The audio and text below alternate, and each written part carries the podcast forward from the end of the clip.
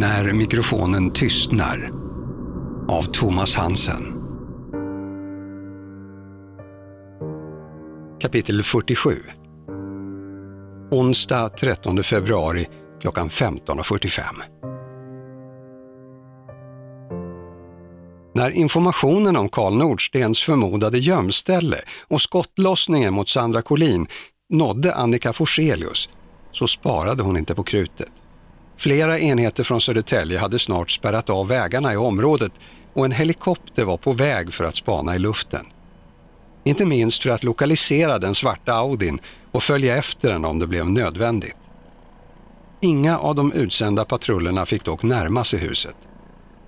Nationella insatsstyrkan var på väg ifrån Stockholm. Sandra och Fransson fick order om att avvakta i Gnesta. Sandras första instinkt var att ifrågasätta Annikas rätt att utfärda order till dem. Men hjärtat i hennes kropp slog fortfarande så snabbt att hon tvingade sig själv att släppa den tanken. Det övriga teamet ifrån Länskrim rullade söderut på E4 i så hög hastighet som omständigheterna tillät när eftermiddagsrusningen ut från Stockholm hade börjat. Visst blinkade de blått och tutade, men är andra bilar i vägen så, så är de. Det var nu upplösningen skulle komma. Det ville förstås ingen missa. Och när Sandra fick beskedet att alla var på väg så undrade hon om det var överdosen av chokladhjärtan som hade förvandlat dem alla till sockerhöga idioter. Hon blev genast förbannad och tyckte att agerandet var ologiskt. Vad skulle en hel bunt utredare göra i skogen? Assistera nationella insatsstyrkan? De var bara kåta på lite action. Detta var dåligt ledarskap av Forselius. I det här läget skulle utredarna ha behövts vid sina datorer. Därifrån kunde de understödja alla som aktivt deltog i jakten med information som kunde leda dem rätt. Nordstenfanskapet skulle fångas in. När de tre svarta Chevrolet-jeeparna av bästa Secret Service-snitt dundrade förbi Sandra och Fransson där de stod parkerade vid sidan av landsvägen vägrade Sandra att vänta längre. Det där var insatsstyrkan, kör efter! Bådade Sandra den vid det här laget ganska skakiga analytikern som onekligen fått mer spänning än han bett om. Utöver jeeparna så hann Fransson se en målad polisbil dundra förbi innan han fick upp Volvon på vägen och gasade på. Tappa dem inte! ropade Sandra.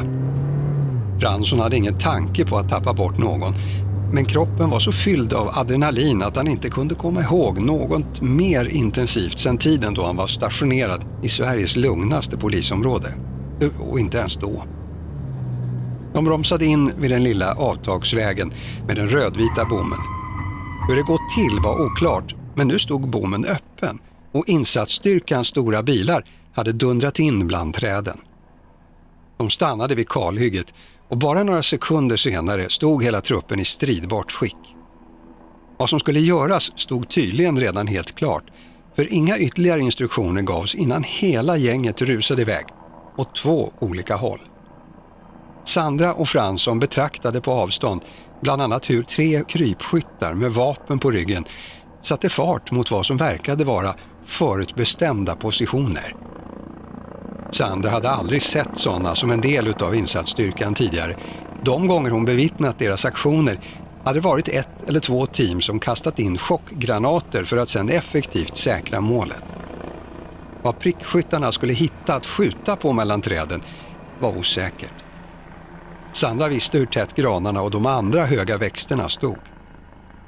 Väl på sina platser etablerade de två grupperna radiosamband och återrapporterade till den sambandscentral som fanns vid en av de stora svarta bilarna. Där satt insatschefen, på betryggande avstånd från händelsernas centrum, tyckte han själv i alla fall. Hade någon frågat Fransson hade definitionen av betryggande avstånd blivit något annorlunda. De båda utredarna från mordet stod utanför och hade bara att följa insatsstyrkans arbete med att ta hand om deras misstänkta mördare, eller dubbelmördare, som nu dessutom försökt döda en polis. Inför en sådan person klädde ingen på sig silkesvantar, men samtidigt var uppdraget tydligt. Oskadliggör mannen och ta honom till fånga, men använd dödligt våld bara som sista utväg. Eldgivning skulle begränsas till absoluta nödsituationer. Krypskyttarnas jobb var i första hand att skydda kollegorna om det nu gick att se något mellan träden. Vänta nu, är det vi som har öppnat bommen eller har han stuckit? hojtade Sandra rakt ut. Vi har öppnat bommen, svarade insatschefen lugnt utan att titta upp. De hade tydligen koll på allt. Sandra uppmanade sig själv att lugna ner sig igen. Insatsstyrkan var onekligen experter på det här. Själv hade hon ju faktiskt flytt fältet för bara en stund sedan.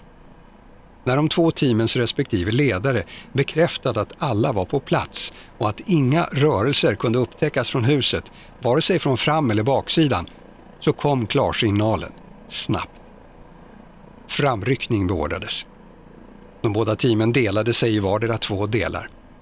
Medan två av de fyra enheterna om vardera två specialtränade poliser hukande sprang fram till husets kortsidor väntade de övriga kvar precis bakom trädgränsen på långsidorna. Två av männen med kraftiga skyddskläder smög runt varsin husknut av källarplanet. Kort därefter, helt synkroniserat, hördes ljudet av krossat glas från två fönsterrutor och chockgranater slängdes in. Ett par sekunder senare utfördes samma operation längs den andra långsidan på bostadsplanet. De kommande sekunderna skulle framstå som kaos för en utomstående betraktare. Men för de team som slog in dörrarna på varsin våning och sprang in i huset var det inget märkvärdigt. De spred sig snabbt i huset, hela tiden med högsta beredskap att bemöta skottlossning eller hot om sån. Insatspoliserna sökte av, rum efter rum, och de försäkrade sig om att ingen fanns på varje plats innan de med ett kort meddelande bekräftade för insatsledaren att det specifika utrymmet var säkrat. Sandra var på väg att hojta något om att lokalisera bilen när hon hörde anropet från inbrytningsteamet. Objektet funnet, säkrat. Den sökta mannen hade alltså återfunnits. Att båda beskeden lämnades precis samtidigt innebar att ingripandet hade gått snabbt till. Mannen i fråga hade försökt gömma sig i bastun i källaren. Han skrek högt när två tungt beväpnade poliser sprang in och ett ögonblick senare drog ner honom på golvet och satte sig på hans rygg. Ett par snabba ordväxlingar senare stod utfallet klart för hela styrkan och också för Sandra och Fransson vid kalhygget. Objektet hade säkrats, gripits och var vid liv. Även utan själva redogörelsen från insatsstyrkans medlemmar framgick detta tydligt för alla som lyssnade på radiokommunikationen. Objektet hördes nämligen i bakgrunden. Det skrek högt och länge. Mannen i fråga kunde snabbt identifieras som Karl Nordsten. Ingen annan fanns i huset och bilen som stod orörd kvar på tomten skulle nu beslagtas.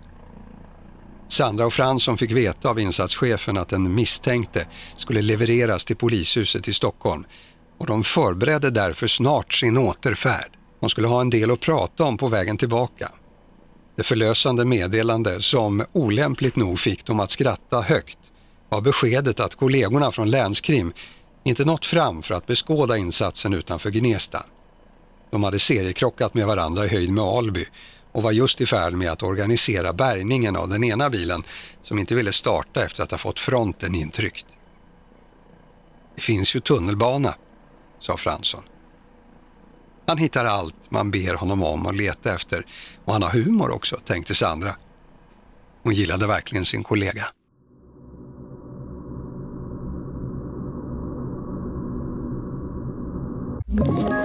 Ett poddtips från Podplay. I fallen jag aldrig glömmer djupdyker Hasse Aro i arbetet bakom några av Sveriges mest uppseendeväckande brottsutredningar går vi in med hemlig telefonavlyssning och, och då upplever vi att vi får en total förändring av hans beteende. Vad är det som händer nu? Vem är det som läcker? Och så säger han att jag är kriminell, jag har varit kriminell i hela mitt liv men att mörda ett barn, där går min gräns. Nya säsongen av Fallen jag aldrig glömmer på Podplay.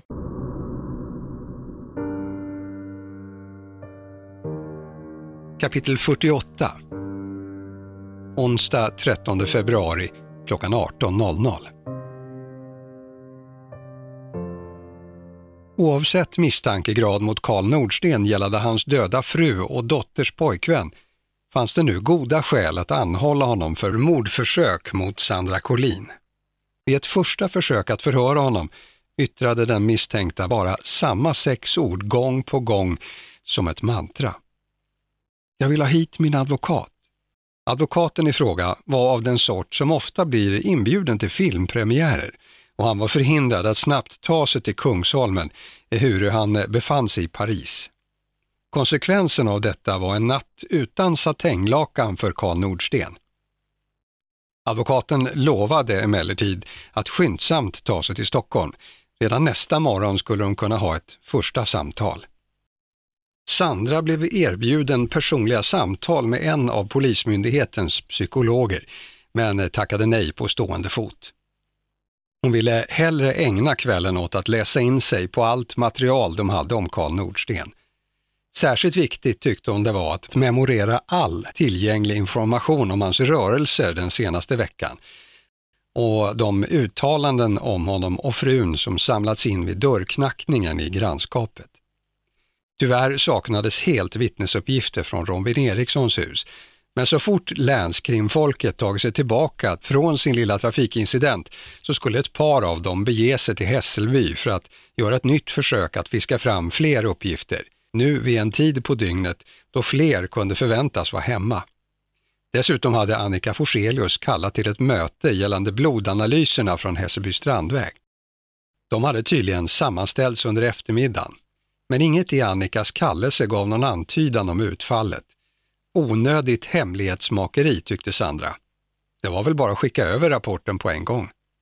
Det var bara Sandra själv, Fransson, Annika Forselius och Joakim Udén som var på plats vid utsatt tid. Två av länskriminalerna var på väg till Hässelby och de övriga hade valt att prioritera något som kallas familjeliv och tydligen kan utövas på kvällstid. Sådant hade även Annika och Joakim förutsättningar att ägna sig åt, visste Sandra, men tacksamt nog ville de först dela med sig av blodrapporten från Nordstens villa. Så, började Annika. Det här är inte självklart. Analysen är gjord utifrån blodmönster i rummet och på kroppen. Framförallt i rummet. Och dessutom har de tittat på mordvapnet, hur fingeravtrycken var placerade, hur blodet var fördelat över kniven och var den låg. Utifrån alla de här sakerna så går det inte säkert att säga om det var mord eller självmord. Så hela rapporten är helt onödig? undrade Sandra. Ja, onödig vill jag inte kalla den, men den avgör inte saken. Fast ändå så pekar den i en viss riktning. Om det var mord så måste mördaren medvetet ha agerat för att lägga ut ett villospår. Han kan ha stuckit offret i magen flera gånger och sen kastat bort kniven på ett sådant ställe att det senare skulle kunna tolkas som om hon kastat bort den själv. Jag förstår inte, hur skulle den annars ha hamnat? frågade Sandra. Om en mördare skulle hugga en i magen så vore det inte särskilt rimligt att sen kasta kniven i sin egen riktning. För att kniven skulle kunna hamna på det sätt som den gjorde så måste den ha kastats åt samma håll som huggen kom ifrån. Den skulle väl kunna ha blivit lagd där också, långsamt och, och målmedvetet. Nej, det finns stänk och en golvskada som visar ganska säkert på att den har blivit kastad. Annika Forselius hade tydligen läst rapporten ordentligt. Med tanke på att hon låg död i ett låst hus så är det alltså mest rimligt att anta att hon tog livet av sig, sa Sandra för att sammanfatta. Ja, om man slår ihop alla dessa fakta så bör man anta att det var självmord, höll Annika med om. Jag vill titta Karl Nordsten djupt i ögonen när vi pratar med honom om det här, sa Sandra. Annika kommenterade inte det, men hennes kroppsspråk signalerade att hon tänkte likadant. Logiken talade för att Silvana Nordsten hade begått självmord. Men Sandra vill inte släppa tanken på Karl Nordsten som hustrumördare riktigt så snabbt.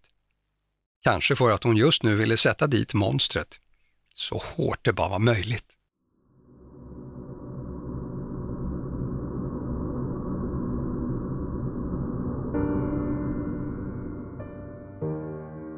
Kapitel 49 Onsdag 13 februari klockan 18.45 Sandra drog på sig jackan och satte fart hemåt. Hon hade som vanligt lyckats undertrycka hungerkänslorna som ropat en längre tid. Under promenaden hem från jobbet så ringde chefen, Roger Olsson. Hej, hojtade Sandra, möjligen onödigt högt, men en buss dundrade precis förbi med ett öronbedövande dån. Hej Sandra, du det här med Växjö. Vilket då? Ja, jag vet att du blir otroligt engagerad i dina fall, men det vore bra om du kunde begränsa dig till de fall som är dina fall. Vad menar du? frågade Sandra, naturligtvis mycket väl medveten om vad han menade. Du åkte till Växjö redan förra helgen och började undersöka rakt emot mina order. Nu lät Roger sur. Sandra tänkte först göra det enkla och rätta, att helt enkelt be om ursäkt. Men kanske kunde hon hitta på någon bortförklaring om hon försökte lite mer. Ja, men jag ville agera snabbt, men när du sa nej så åkte jag inte dit officiellt utan bara på mina lediga dagar. Det där är bara skitsnack och det vet du. Nu lät Roger direkt otrevlig. Sandra tänkte definitivt inte ge sig. Men jag satt ju redan på tåget när du sa nej. Vad skulle jag göra? Du skulle inte sitta där. Det var fel redan då. Vi ägnar oss inte åt privatspaning. Ska jag vara helt ärlig så hade jag mest en väldigt trevlig helg med en gammal vän. Olof Nilsson? Han var din lärare? Sandra hörde hur Roger ilsknade till ordentligt. Ja, och kollega. Vi är båda poliser och det var vi redan då. Jo visst, men du förstår min poäng. Du måste följa mina order om du ska jobba här. Jag är din chef. Okej. De meningslösa försöken att vinna debatten hade nått vägs ände, insåg Sandra. Ja, absolut. Jag beklagar missförståndet. Det var inget missförstånd, Sandra. Förstår du vad jag säger? Ja. Fan, det kändes inte bra att bli utskälld på goda grunder. Tack, avslutade Roger och tryckte bort samtalet. Han var ingen bra chef, tänkte Sandra. Visst, han hade rätt att kritisera, men, men efter gårdagens händelser så var hans utfall väldigt dåligt tajmat. Just nu så borde han ge stöd och förståelse. Det var nästan så att hon själv skulle vara en bättre chef. Och då tänkte ändå Sandra på sig själv som ett exceptionellt dåligt chefsämne.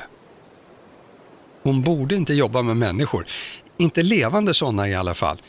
De var ju så oförutsägbara och svåra att hantera. Hon hade börjat gå snabbare och snabbare under det intensiva telefonsamtalet och var plötsligt hemma. Efter en inplastad biff med bearnaisesås som enligt instruktionerna endast krävde några minuter i mikron för att betraktas som färdiglagad så lutade sig Sandra bakåt i soffan och tog fram tangentbordet som styrde surfandet på tv-skärmen. Äntligen hade media fått något annat att rapportera om än morden i Hässelby.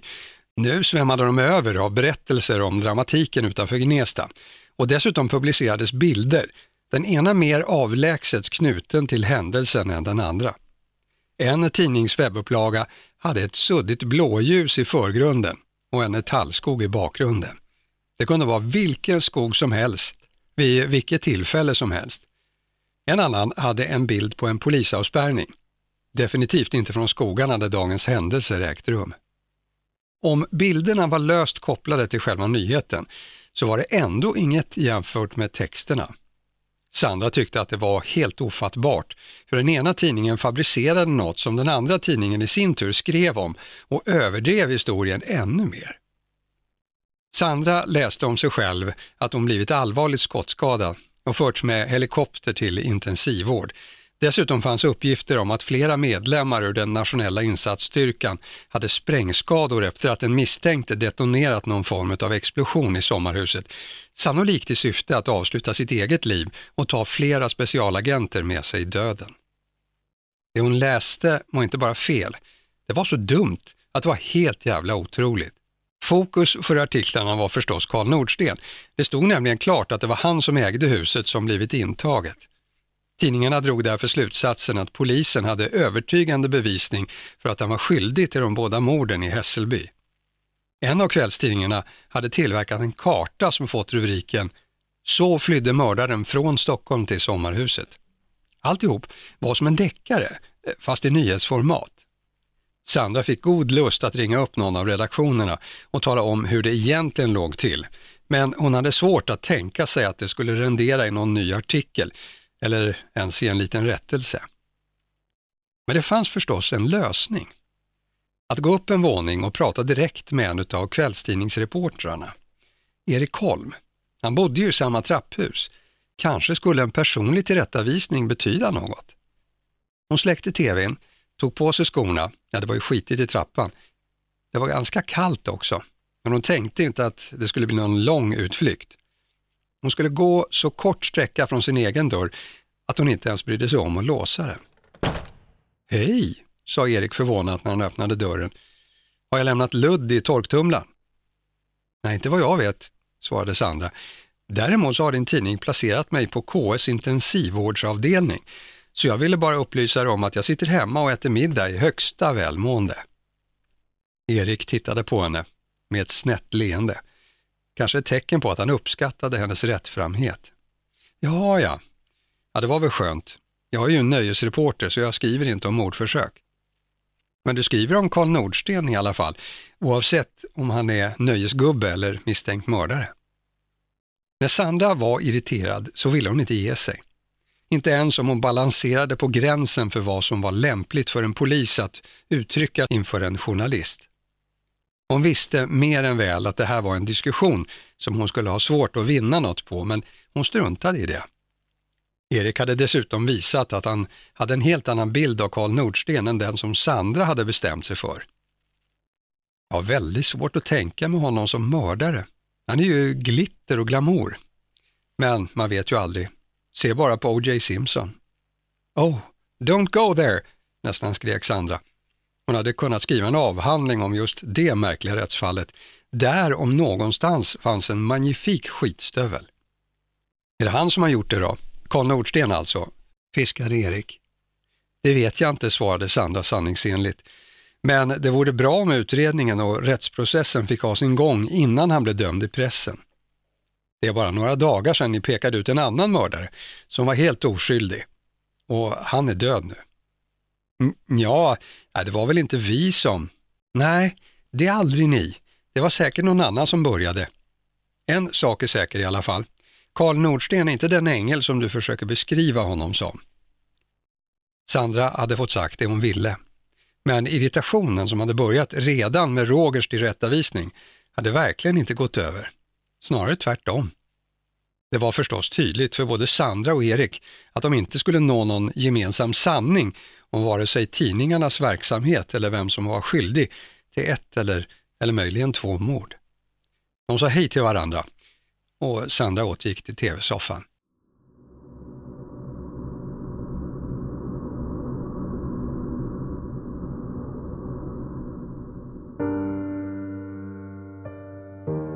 Kapitel 50 Torsdag 14 februari klockan 09.30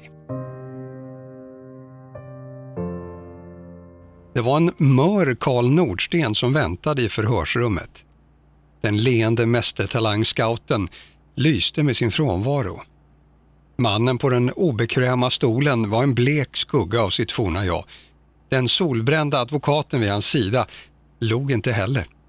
Kanske för att utvalda delar av hans ansikte stramade extra hårt av allt att döma på grund av kostsamma injektioner. Men mest torde det bero på att han var känd som hård och obeveklig. En image som han gjorde allt för att leva upp till i alla sammanhang. Sandra Collin och Annika Forselius lät sig inte nedslås.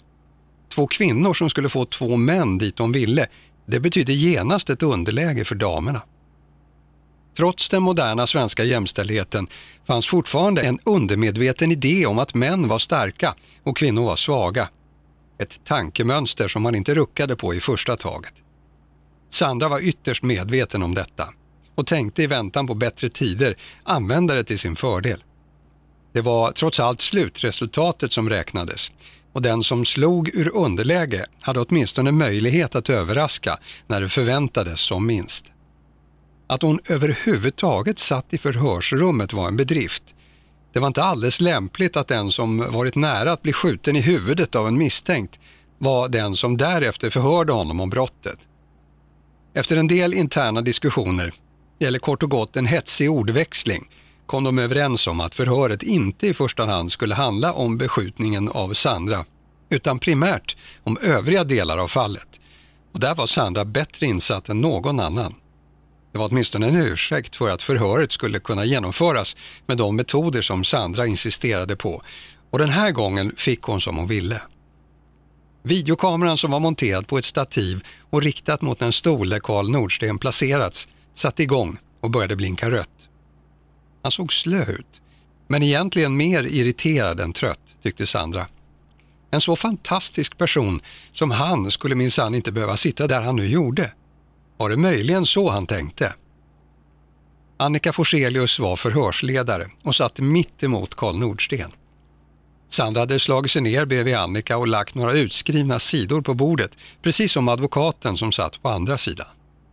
Sandras papper innehöll inte något av värde, men det kunde inte männen på motsatta sidan veta. Hon ville få det att se ut som om hon hade massor av information som kunde vändas emot dem. Efter formaliteterna och de rutinmässiga fakta som varje förhör ska inledas med lutade sig Annika framåt med armbågarna mot bordsskivan. Hon stirrade intensivt på Karl Nordsten, utan att släppa honom med blicken en enda sekund. Både för att visa vem som bestämde och för att notera hans reaktioner. Sandra fick börja själva utfrågningen. Så eh, varför har du hållit dig undan? Jag har inte mått så bra, sa Karl Nordsten försiktigt. Kan du berätta om det? Vad är det för en konstig fråga? Ni vet ju vad som har hänt. Min dotter har dött. Det är kanske inte så konstigt att jag har mått dåligt. Nej, det är mycket förståeligt. Men det visste du väl inte när du försvann? Om han svarade jo på den frågan skulle han i princip utpeka sig som gärningsman. Sandra höll tummarna. Nej, blev svaret. Men det var väl tillräckligt illa som det var. Hon var försvunnen och hon skulle ju aldrig bara försvinna om inte något fruktansvärt hade hänt. Jaha, så att du menar att du lämnade Växjö utan att veta vad som hänt henne? Ja. Och åkte till Gnesta? Ja. Förstår att det verkar konstigt? Det är väl inte konstigt, jag var rädd. Karl Nordsten kändes inte som en man som var särskilt rädd för egen del, tyckte Sandra. Han var stor, bullrig och tog över alla rum han befann sig i. På sätt och vis så kändes det som om han bestämde i förhörsrummet också, något som störde Sandra, något oerhört. Här skulle han svara på deras frågor, här var det hon som bestämde. Vad var du rädd för? Sandra ställde varje fråga med bestämd röst, lugnt och sakligt. Hon ville helst ge sken av att hon egentligen redan kände till hela händelseförloppet. Det enda Karl Nordsten hade att göra var att bekräfta sanningen. Jag visste ju inte vad som hade hänt. Jag var rädd att någon hade dödat Alicia och skulle komma efter mig. Men varför skulle någon vilja döda Alicia och dig? Vi skulle ju vinna hela skiten. Det var ju många som eh, ville få oss ur vägen. Så han menade alltså att han var rädd för att någon skulle döda honom för att hans dotter skulle kunna vinna en musiktävling. Och därför satt han och gömde sig i Sörmlands skogar med geväret laddat så att han kunde försvara sig mot den som, som han befarade skulle leta upp honom där. För att döda honom. Trots att Alicia redan var död och låten diskvalificerad. Nej, något bättre fick han hitta på om hon skulle tro på det. Jaha, så du åkte till stugan utanför Gnesta. Va, vad gjorde du där? Ingenting. Jag bara satt där och väntade på att få höra något från Alicia. Och sen fick jag ju veta att hon var död. Rösten brast när han avslutade meningen. Huvudet föll ner. Karl Nordsten hulkade. Hur fick du veta? Jag såg det på TV, snyftade mannen. Vad gjorde du när du fick veta? Ingenting. Vad fan skulle jag göra? Det var en fråga. Men Karl Nordsten väntade sig uppenbarligen inget svar. Hans historia höll faktiskt ihop så här långt. Men han hade haft gott om tid att tänka ihop den. Hade du kontakt med din fru? Fortsatte Sandra. Nej. Varför inte? Jag, jag var rädd att hon skulle vara arg på mig, skylla allt på mig. Det som har hänt Alicia. Skulle Karl Nordsten vara rädd för sin fru? Sandra funderade på hur hon uppfattade de båda.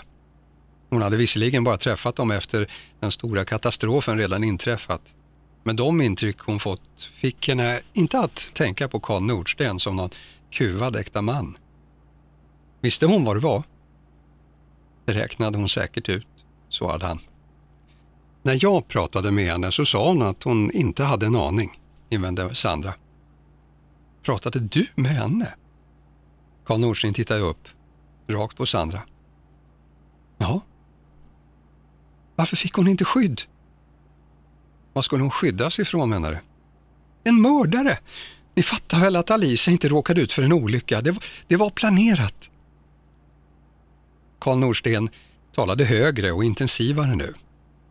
Sandra undrade vad det var för konspirationsteori han försökte lägga fram. Hur menar du?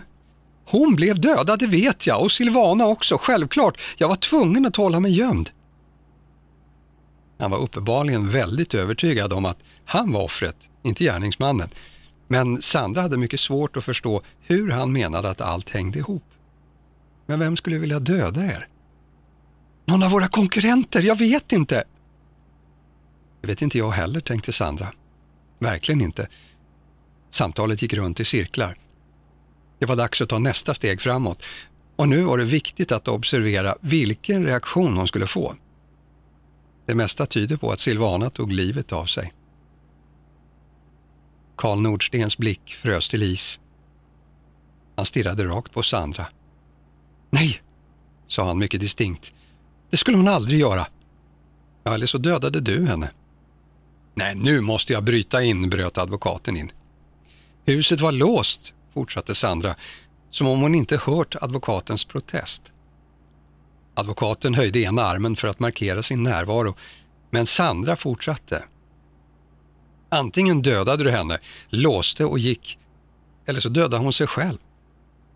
Det är en komplott! vrålade Karl Nordsten så högt att hans advokat hoppade till på stolen. Karl, började advokaten, jag måste... Håll käften! Du hjälper ju för fan inte till ett dugg med det här! Karl Nordsten sköt kraftfullt stolen bakåt så att den välte, reste sig upp, pekade med högerhanden mot sin advokat och fortsatte att skrika. Du kan hålla käften och dra åt helvete! Allt gick så snabbt att förhörsledaren knappt hann uppfatta sin egen tanke om att det var lika bra att avsluta omedelbart. När försvararen behövde försvaras är sannolikheten liten att samtalet ska komma tillbaka på rätt spår. Vi skulle behöva ta en paus, föreslog advokaten nervöst. Du får sparken ditt botoxade jävla rövarsle! vrålade Karl Nordsten och Annika Forselius tryckte för andra gången på knappen som skulle få häktesvakten att befinna sig i rummet inom 15 sekunder. Karl Nordsten såg ut att vilja säga något mer, men bara brölade. Och inom kort låg Karl Nordsten på golvet där han rullade runt och fick handfängsel. Och efter att han fortsatt att skrika i tio minuter beslutades det att han skulle föras till psykakuten på Sankt Görans sjukhus under noggrann polisövervakning.